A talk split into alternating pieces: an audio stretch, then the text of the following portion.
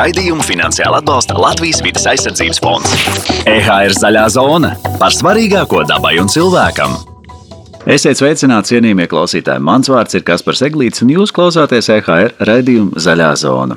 Ar jūliju būtībā sāks jauna lapuse Eiropas zaļajā dzīvē, jo spēkā stājas aizliegums Eiropas Savienībā tirgot dažādus vienreiz lietojamos plasmasas izstrādājumus. Dākšiņas, nāžus, bļodas, karotes, salmiņas, balons, stiprināmos kociņus un citus plasmasas niekus. Jāatzīst, nereti tie ikdienu padarīja vienkāršāku, tajā pat laikā vidi daudz netīrāku. Par to, vai arī alus būs turpmāk jādzer no kartona glāzēm. Kāda alternatīva ir vienreiz lietojamiem traukiem, vai tie ir dārgi, un kā arī meklēt, kurā vietā meklēt vidē draudzīgas ēdināšanas iestādes zaļajā zonā, saruna ar Sijā zaļā josta pārstāvu Laimu Kubliņu. Sveiki! Sveiki! Nu, pirmkārt, jau jautājums ir sarkanā josta, melnā josta, kas ir uh, zaļā. Saistība ar citu krāsu jostām mums nav. Mēs rūpējamies par vidi. Mūsu uzņēmums nodarbojās ar izlietotāju iepakojumu vidē kaitīgo preču apsaimniekošanu. No vienas puses, kādam liekas, ka tas ir kaut kas tāds mistisks un nesaprotams, no otras puses, tas ir ļoti, ļoti vienkārši. Proti, mēs rūpējamies par to, lai uh, uzņēmumu radītie izlietotie iepakojumi, dažādas vidē kaitīgas preces, kā piemēram autoriepas, nolietotas elektroiekārtas, baterijas, nemētātos nekur apkārt vidē, nenonāktu mežā, bet tiktu savākti un pārstrādāti. Mēs strādājam visā Latvijas teritorijā. Mums ir virkni sadarbības partneru, kopā ar kuriem mēs organizējam šo otrreizējā izēvijā savākšanu, pārstrādi un arī sabiedrības vidas izglītību. Bet iesanāk, tie ir tie atsevišķie laukumi, vai tās ir tās uh, apaļās. Uh, kā lai pareizāk saka, urnas, kur, kur, kur kādā veidā tā tehnika un riepas un viss pārējais tiek savākts. Šie savākšanas laukumi, atkritumu šķirošanas tvērtnes, poligoni - tā ir daļa no visas šīs kopējās infrastruktūras, ko mēs arī palīdzam uzturēt un līdzfinansēt. Mūsu uzņēmums nodarbojās kā starpnieks, kā menedžeris, lai visa šī sistēma strādātu. Var kā piemēram pastāstīt, piemēram, ja jūsu uzņēmums ražo preces iepakojumā, piemēram, limonādes pilda stikla pudelēs, liek uz paletēm, tīna ar plēvi apkārt. Viss šis iepakojums potenciāli kļūst par atkritumiem. Lai tas nepiesāņotu vidi, uzņēmuma pienākums ir rūpēties par tā apsaimniekošanu. Ir iespēja vai nu vienkārši samaksāt dabas resursu nodokli, kas aiziet valsts kopējā pamatbudžetā, bet netiek īsti novirzīts tieši primāri vidas jautājumiem un atkritumu apsaimniekošanai. Otra iespēja ir sadarboties ar apsaimniekotāju, piemēram, ar mūsu uzņēmumu, un mēs šī uzņēmuma vārdā vācam šīs otrreizējās izēvijas. Mēs rūpējamies, lai tās tiktu pārstrādātas, lai sabiedrība zinātu, kā ar tām rīkoties, kur tās izmest, un būtu arī vietas, kur to izdarīt. Šī sistēmas darbība ir mūsu uzņēmuma uzdevums, lai tā funkcionētu, lai tā strādātu, lai tā attīstītos, un lai vide kļūtu tīrāka, sabiedrība gudrāka, izglītotāka, un arī, protams, arī paši uzņēmumi būtu motivēti rūpēties par vidi un arī meklēt veidus, kā šo kaitējumu ar savu darbību mazināt.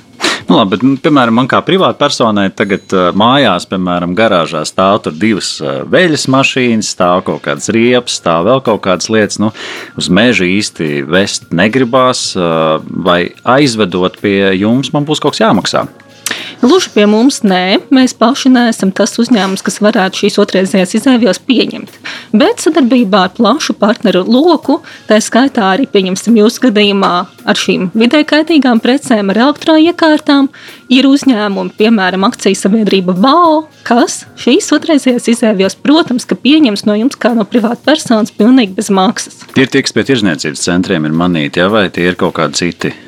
Piemēram, mazo elektroiekārtu, telefonu, fēnu, mazās kaut kādas mājsaimniecības tehnikas, kas ir salūzušas, un arī baterijas ir ērti iešķirot pie daudziem tirsniecības centriem, pie veikaliem uzstādītajās kastītēs. Tā ir viena no iespējām. Savukārt, ja ir lielāka tehnika, tā pati veres mašīna, televizors, leduskapis, to ir iespēja nogādāt uz specializētiem vidē kaitīgo preču pieņemšanas punktiem laukumiem, kuriem jau ir noteikts darba laiks, konkrētas adreses, kur tad ik viena privāta persona, laipni gaidīta, un var šīs lietas utilizēt tieši tā, pilnīgi bez maksas.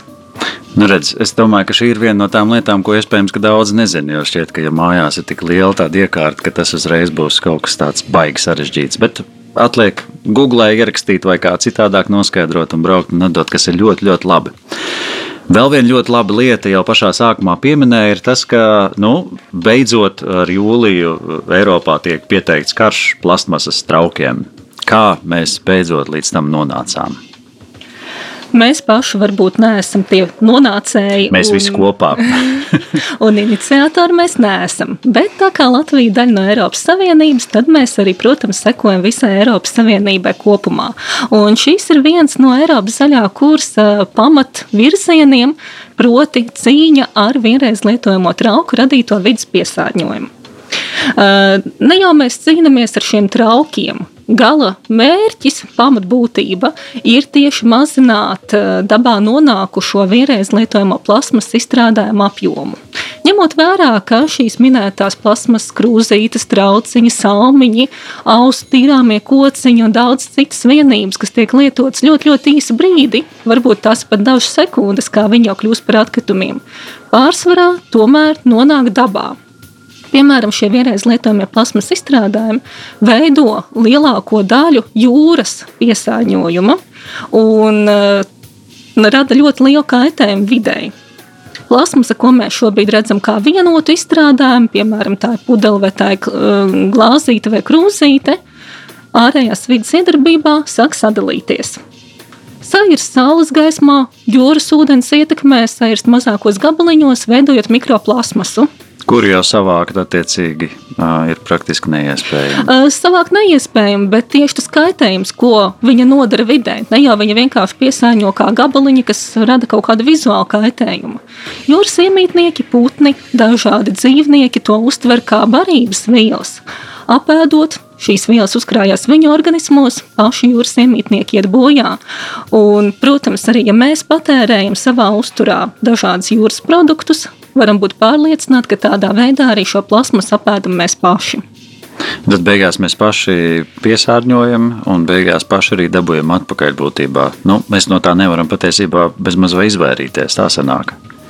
Dabūnam atpakaļ, protams, mēs mazāk nekā mēs vidē radām. Visvairāk cieši šī dzīvā daba, un kura, protams, ir neaizsargāta. Mūsu uzdevums ir rūpēties par to, lai dzīvnieki, putni, zīvis pilnīgi nevainīgas radības neiet bojā tikai tādēļ, ka cilvēki nemāk pareizi utilizēt šīs plasmas vienības. Plasmas jau pati par sevi nav slikta. Uh, varbūt varam arī apspriest tādu lietu, kāpēc plasmas tiek lietot un kāpēc viņa kļuvusi populāra. Redz, plasmasas iepirkuma maisiņš tika radīts kā pati labākā un efektīvākā alternatīva, lai parūpētos par vidi.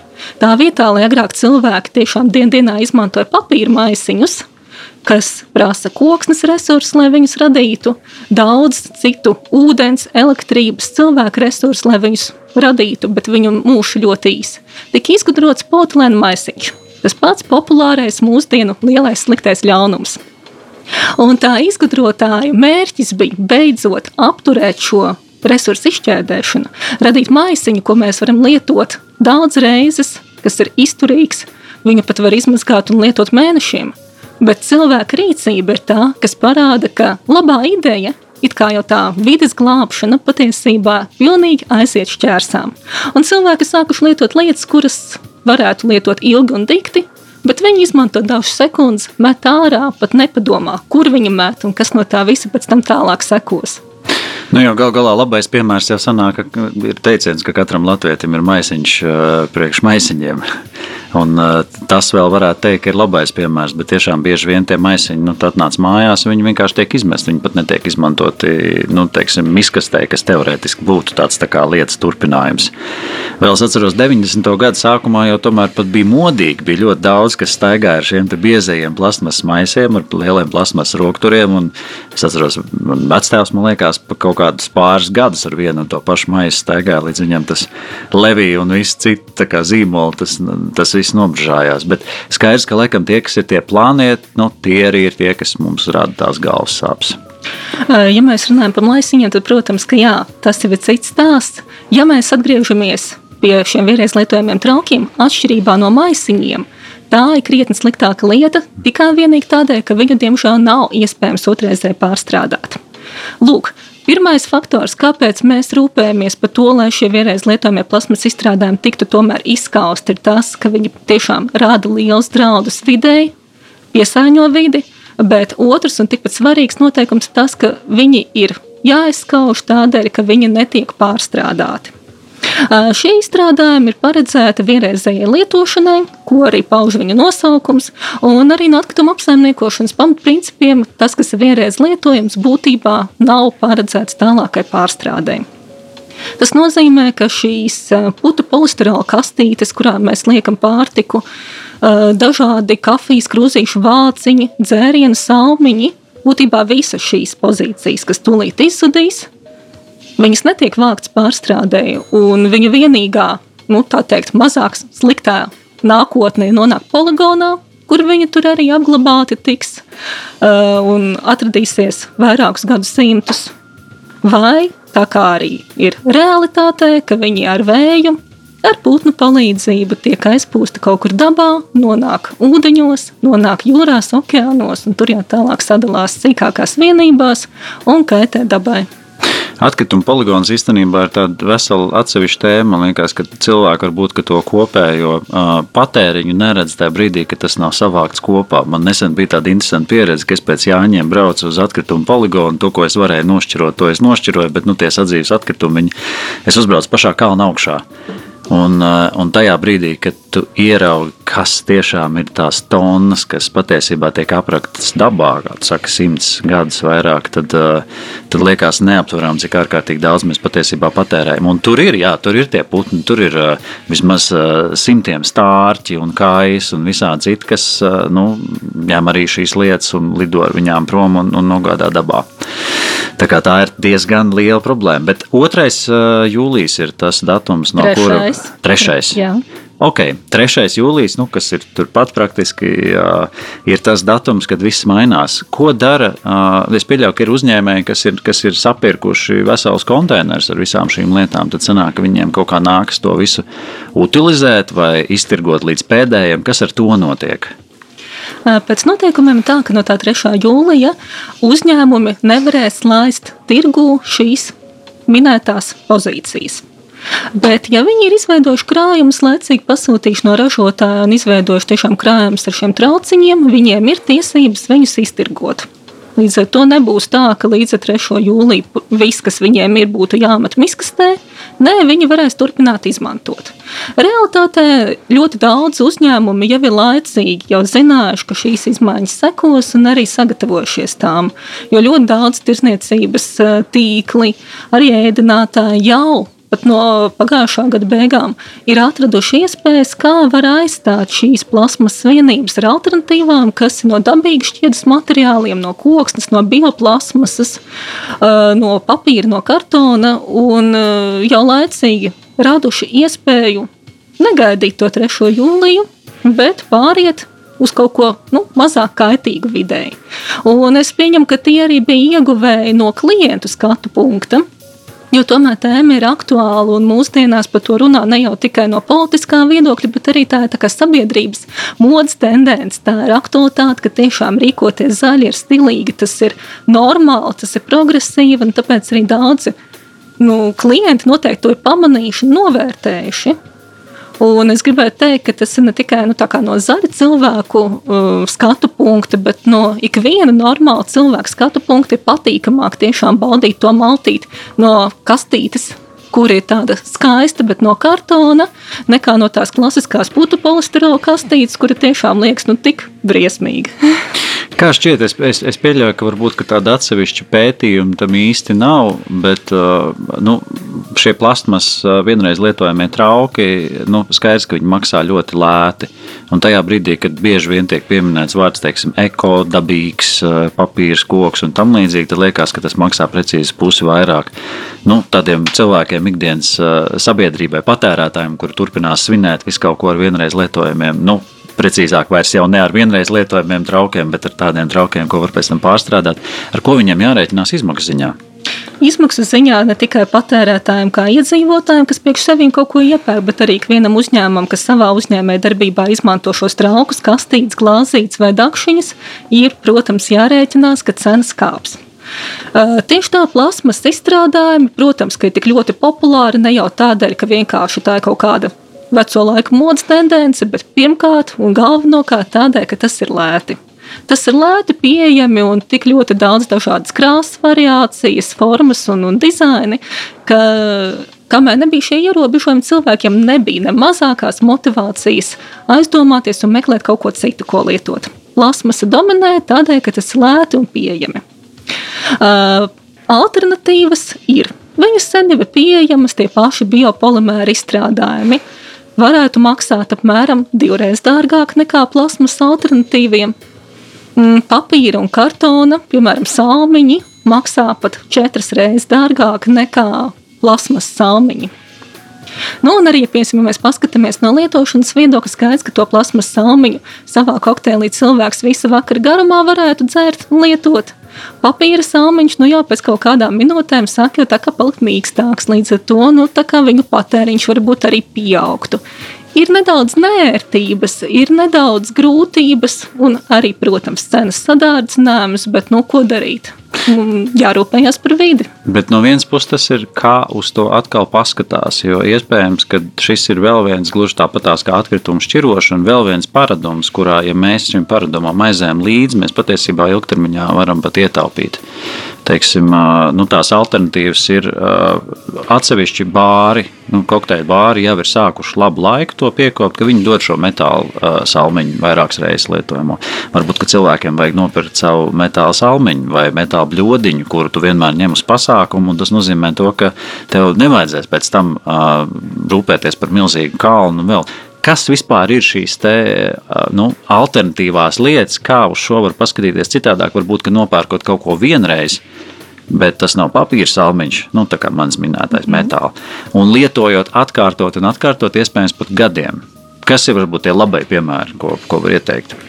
No alternatīvas pastāv vairākas. Mēs viņus varam iedalīt vairākās nu, teikt, fāzēs vai soļos, kā ik viens no mums, gan kā patērētājs, kā fiziska persona, gan kā uzņēmums, kas ir šis ēdinātājs vai tirgotājs, ko tad, tad to var izsināt. Pirmais, kas ir pats vienkāršākais, jo neprasa patērētāju gala mērķa auditorijas paradumu maiņu, ir tas, ko uzņēmums, vai tas ir ēdinātājs vai tirgotājs, piedāvā savam klientam. Pārsvarā nu, vienkāršākais un arī laikam cenas ziņā tāds mazāk riskantais variants ir šie alternatīvie izstrādājumi no dabīgām šķiedrām. Atkal jau viņi ir vienreiz lietojami, atkal jau tas nav nekas labs vidē, jo tāpat viņi netiks pārstrādāti. Bet nu, vismaz tā nav plasmasa. Piemēram, biopolimērs, papīrs, kartons, kaut kādas citas dabīgās šķiedras. Nekā laba tajā nav, tādēļ, ka atkal jau radām atkritumus.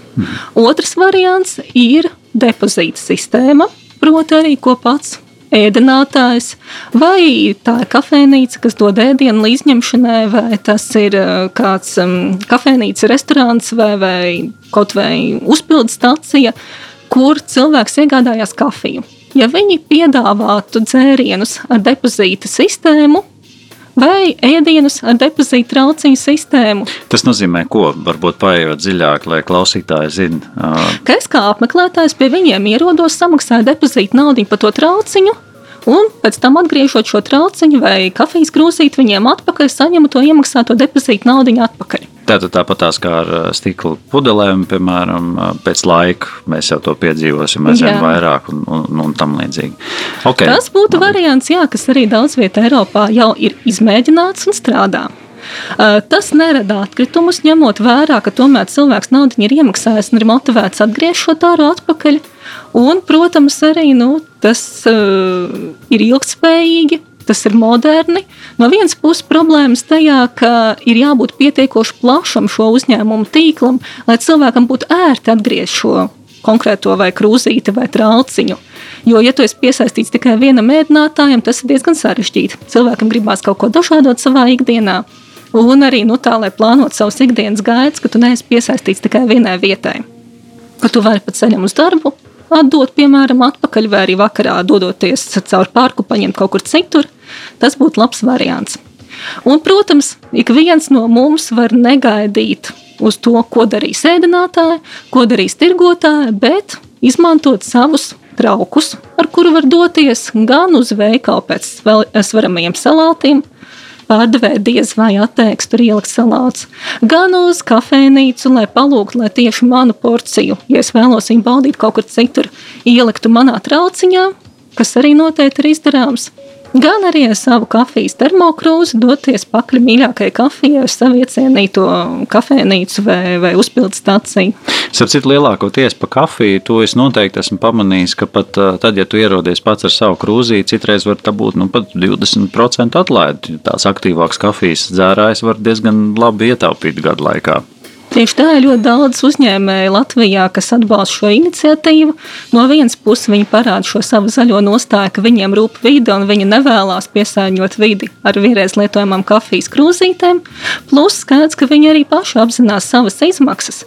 Jo šīs krūzītes maksā pietiekoši lielu naudu, un viņi parēķinājuši, ka viņiem tas cenas ziņā tāpat pat sanāk izdevīgāk, ka viņi piešķir klientam atlaidi, izrāda viņam pretim nākšanu un arī tomēr iepriecina cilvēku. Plus arī pat ar to visu var ietaupīt, ja viņam nav jātērē nauda šīs kafijas krūzītes iegādēji. Varbūt patiesībā, lai, lai šo jauno paradumu komunicētu, būtu vērts arī, piemēram, tādu rosolu pārdot, varbūt par 10-15% lētāk. Nu, Aizēju uz lielveikalu, un, un, un, un tāds ir mans bonus, kā pierast pie, pie šī jaunā paraduma. Uh, nu, tagad Rīgā jau arī noteikti nu, jaunie noteikumi stājušies spēkā, ka ielu tirsniecības vietās ir ēdinātājiem jānorāda atsevišķa maksa par šiem trauciņiem. Nu, cilvēks uzreiz var pareiķināt un saprast, ka ja viņam gribās kārtīgi panušķēties, iegādāties vienā vietā, otrā vietā kādu gardumu. Nu, kāpēc gan nepadomāt par to laicīgi un nepaņemt trauciņu no mājām, un tad beigās sanāk tiešām arī skaisti ietaupīt. Nu, ja, un tie trauciņi, kas var būt pašam, tās var būt tās cietāk plastikāt, vienreiz lietojamās, droši vien, ka nevienreiz es atvainojos, bet daudzreiz lietojamās bļodas un metāla bļodiņas un dažādi, teiksim, nu, šādi tipa priekšmeti, es tā domāju. Alternatīvas ir ļoti daudz un dikti tās ir pieejamas gan no plasmas, gan no stikla, gan no metāla. Galvenais, protams, par ko gan būtu jāpadomā, lai viņas būtu piemērotas konkrētajiem ēdieniem, mm. jo ja mēs liekam iekšā nepiemērot ierobežotā plastikāta, piemēram, traukā karstu ēdienu vai ļoti augstu, iespējams notiek kaut kādas ķīmiskas reakcijas, kas arī nav pārāk veselīgas. Tāpēc e, ir jāparūpējas par to, lai tas, kādā trauciņā mēs to savu ēdienu liekam, lai tas mums beigās arī nekaitētu. Vai metāla bludiņa varētu būt vislabākais risinājums? E, metāla bludiņa ar vāciņu tas noteikti būs ilgtermiņā vislabāk. Viņu pēc tam var arī uzsildīt, ielikt cepeškrāsnī, vai arī speciālās nu, kastītes arī ar hermetiskiem vākiem no rudītā stikla, ko var likt gan mikroviļņu krāsnī, uzsildīt pēc tam, vai arī likt rauku mazgājumiem mašīnā, kas arī nekādas ķīmiskās reakcijas neradīs, bet toties saglabās ēdienu kvalitatīvu, nezaudējot tā formu un garšu, un cerams arī, ka varbūt siltumu nedaudz saglabās. Nu, katrā ziņā opcijas ir, un ir opcijas ne tikai ietaupīt, bet pamēģināt arī jaunu, ērtu īstenībā pieredzi. Kad man vienmēr ir mana bludiņa, es zinu, cik daudz tur ir. Es zinu, ka man tur uz svaru neviens neapčakarēs un tam līdzīgi. Vienmēr sakot, vajag tikai mēģināt. Viena no vietām un, un apstākļiem, kur mēs, protams, visvairāk šos vienreiz lietojamos dažādus iepakojumus piedzīvojām, protams, ir šis dīvainais pandēmijas laiks, kad restorāni pēkšņi ciet, ir cilvēki, kas turpina turpina uh, iet uz biroju, ir cilvēki, kas strādā no mājām, un tās ikdienas pusdienas reizes mēs nu, baudām ar uh, zaļu vai zilu vai citādāku somu piegādāts. Un lielākoties tur tiešām šie iepakojumi ir, uh, diemžēl, nu, tādu, ko mēs uzreiz sekundāri izmetam ārā, iespējams, pārliekam šķīvi.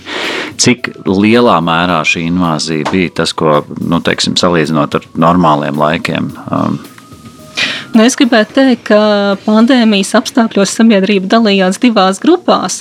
Pirmā ir tā tieši tādos nosauktā, ka cilvēki katru dienu piepildīja savu atkritumu tvērtni ar milzīgu daudzumu nepārstrādājumu, netīru, vai nu plasmasas, vai nu varbūt mazāk kaitīgā gadījumā kartona iepakojuma apjomu. Un, ja tas ir neliels oficiāls kolektīvs vai arī ģimene, nu, tad, protams, atkrituma tvērtne bija pilna. Vai arī otra daļa tieši tāda paša cilvēka kā es, kas neredzēja, kāpēc ir jāpielāgojas kaut kādām jokainām pārmaiņām, ja tu vienkārši turpini ņemt savu mājās pagatavoto pārtiku uz darbu līdzi savā trauciņā. Bet, nu, teiksim, tā nu, procentuāli droši vien tas pieaugums bija, bija, bija milzīgs. Vai jums varbūt ir kāds nezinu, pētījums vai kaut kāds novērojums par to, cik tiešām tā atšķirība ir starp to daļu, kur, kur turpināja pasūtīt, vai principā pasūtīja vairāk? Nu, kā liecina arī pašu pārtiks piegādātāju un arī gatavo maltīšu piegādātāju statistika, ka, protams, pieprasījums bija milzīgs. Līdz ar to arī šo vienreiz lietojumu izstrādājumu apjoms, kas tika nogādāts klientiem, strauji pieauga. Un visvairāk jau tas bija noteikti arī ziemas mēnešos, kad cilvēki tiešām nu, gribēja siltumā ēst, Un, lai viņiem tā pārtika ir siltāka, labi piegādāta, daudz ēdinātāji arī lika vēl papildus maisiņus, skavot sija. Tas nozīmē, ka tas maisiņš nav pēc tam izmantojams atkārtot, jo viņš jau, nu, lai pie tā ēdiena varētu piekļūt, jau viņš būtu jāatplēš pavisam vaļā un jāsabojā. Līdz ar to, protams, ka apjoms pieauga. Tas, ko radīja pandēmija, tas bija smags trieciens videi. Gan šie vienreiz lietojamie īpašumi, kas tika piegādāti, gan tas, ka cilvēki arī ļoti vēlējās nu, to savu brīvo laiku tomēr kaut kā pavadīt, kaut kur kaut ko darīt. Un vienīgā iespēja bija kāda - doties pie dabas.